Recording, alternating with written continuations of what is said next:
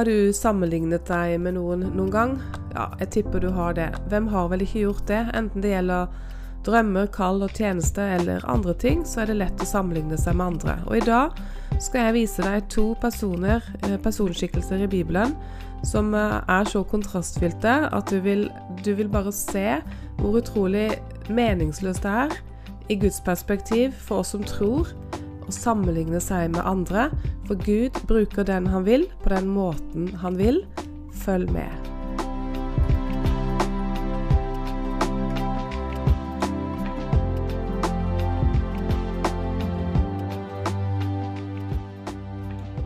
Så hyggelig at du har tunet inn på podkasten Våg. Mitt navn er Tone Dalhaug, og jeg er journalist, coach og forfatter. Og min visjon med Våg er at den skal bygge troen, motet, drømmen og kallet ditt, slik at du kan leve det livet Gud har for deg i denne tid.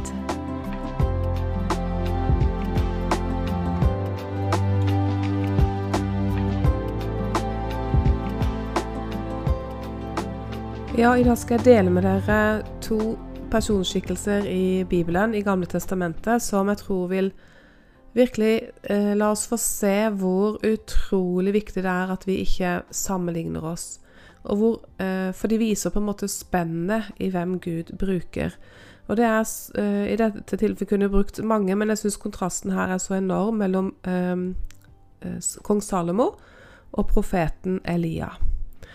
Altså, Kong Salomo, som ble utgangspunkt ikke sant, for, for ordspråkene, blant annet, han eh, han fikk jo denne visdommen fordi han ba om det, og Gud hadde behag i den bønnen. Og han, han ville jo så mye godt, og han eh, hadde bygde dette fantastiske palasset og levde der godt eh, vel og lenge.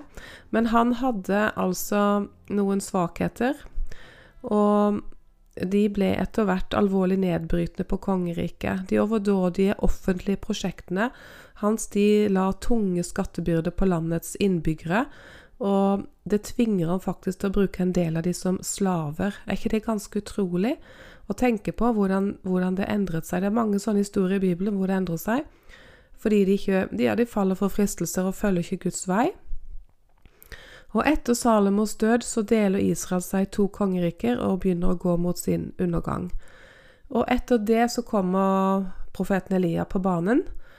Men først vil jeg liksom bare dvele litt ved Salomo, hvordan han eh, på en måte var en del av Guds utvalgte, hvordan han ble brukt av Gud, og den visdommen vi alle har fått del i, og hvordan han hadde Han hadde alt så enormt. Det er liksom ikke noe, noe vakrere og noe, noe visere og noe mer overdådig enn Salomo og palasset og hans eh, rike, eller det han hadde, da, eh, i, eh, i Israel. Og kontrasten da til profeten Elia er så enorm. Elia som eh, kanskje er den villeste og voldsomste profeten av alle, illustrerer jo kanskje bedre enn noen annen den forandringen som eh, skjedde. Mens kong Salomo bar smykker og fine klær, levde et luksusliv i et strålende palass, kan vi lese om i en av studentbiblene, så går Elia i et bleielignende plagg eh, laget av svart kamelhår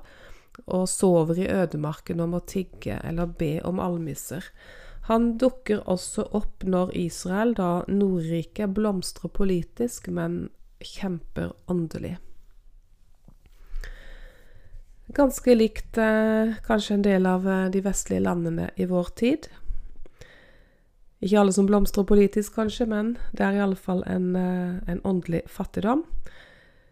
Og Elia, han eh, er så annerledes enn kong Salomo, men han blir også brukt av Gud. Og begge to kjemper, begge to har sine svakheter.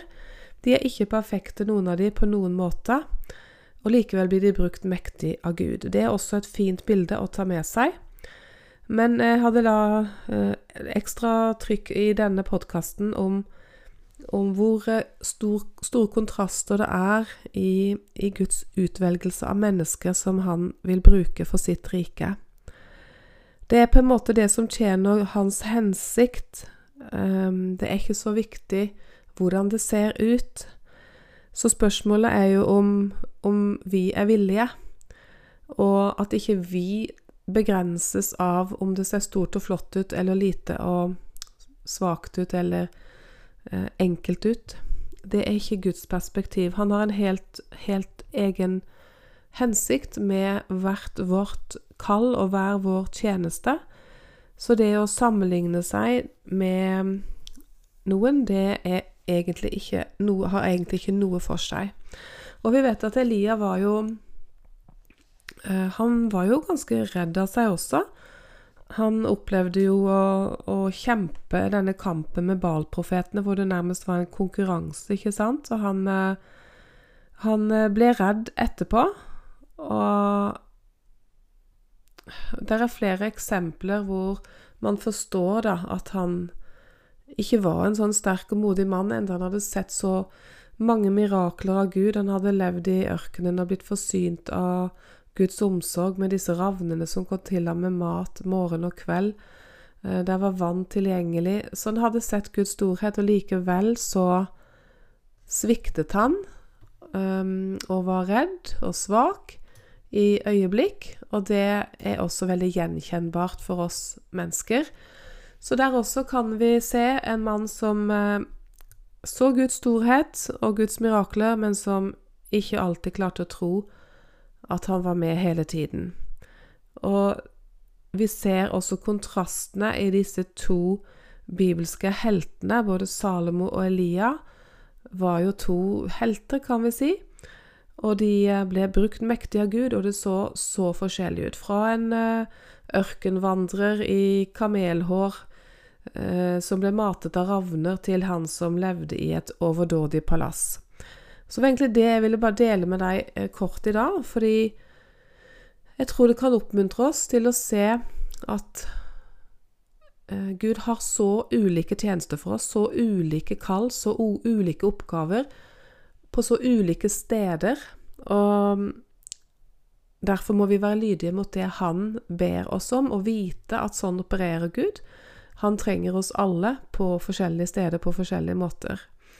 Og i neste podkasten så skal jeg ta det litt videre, nettopp hvordan Gud kan bringe oss til de mest usannsynlige steder.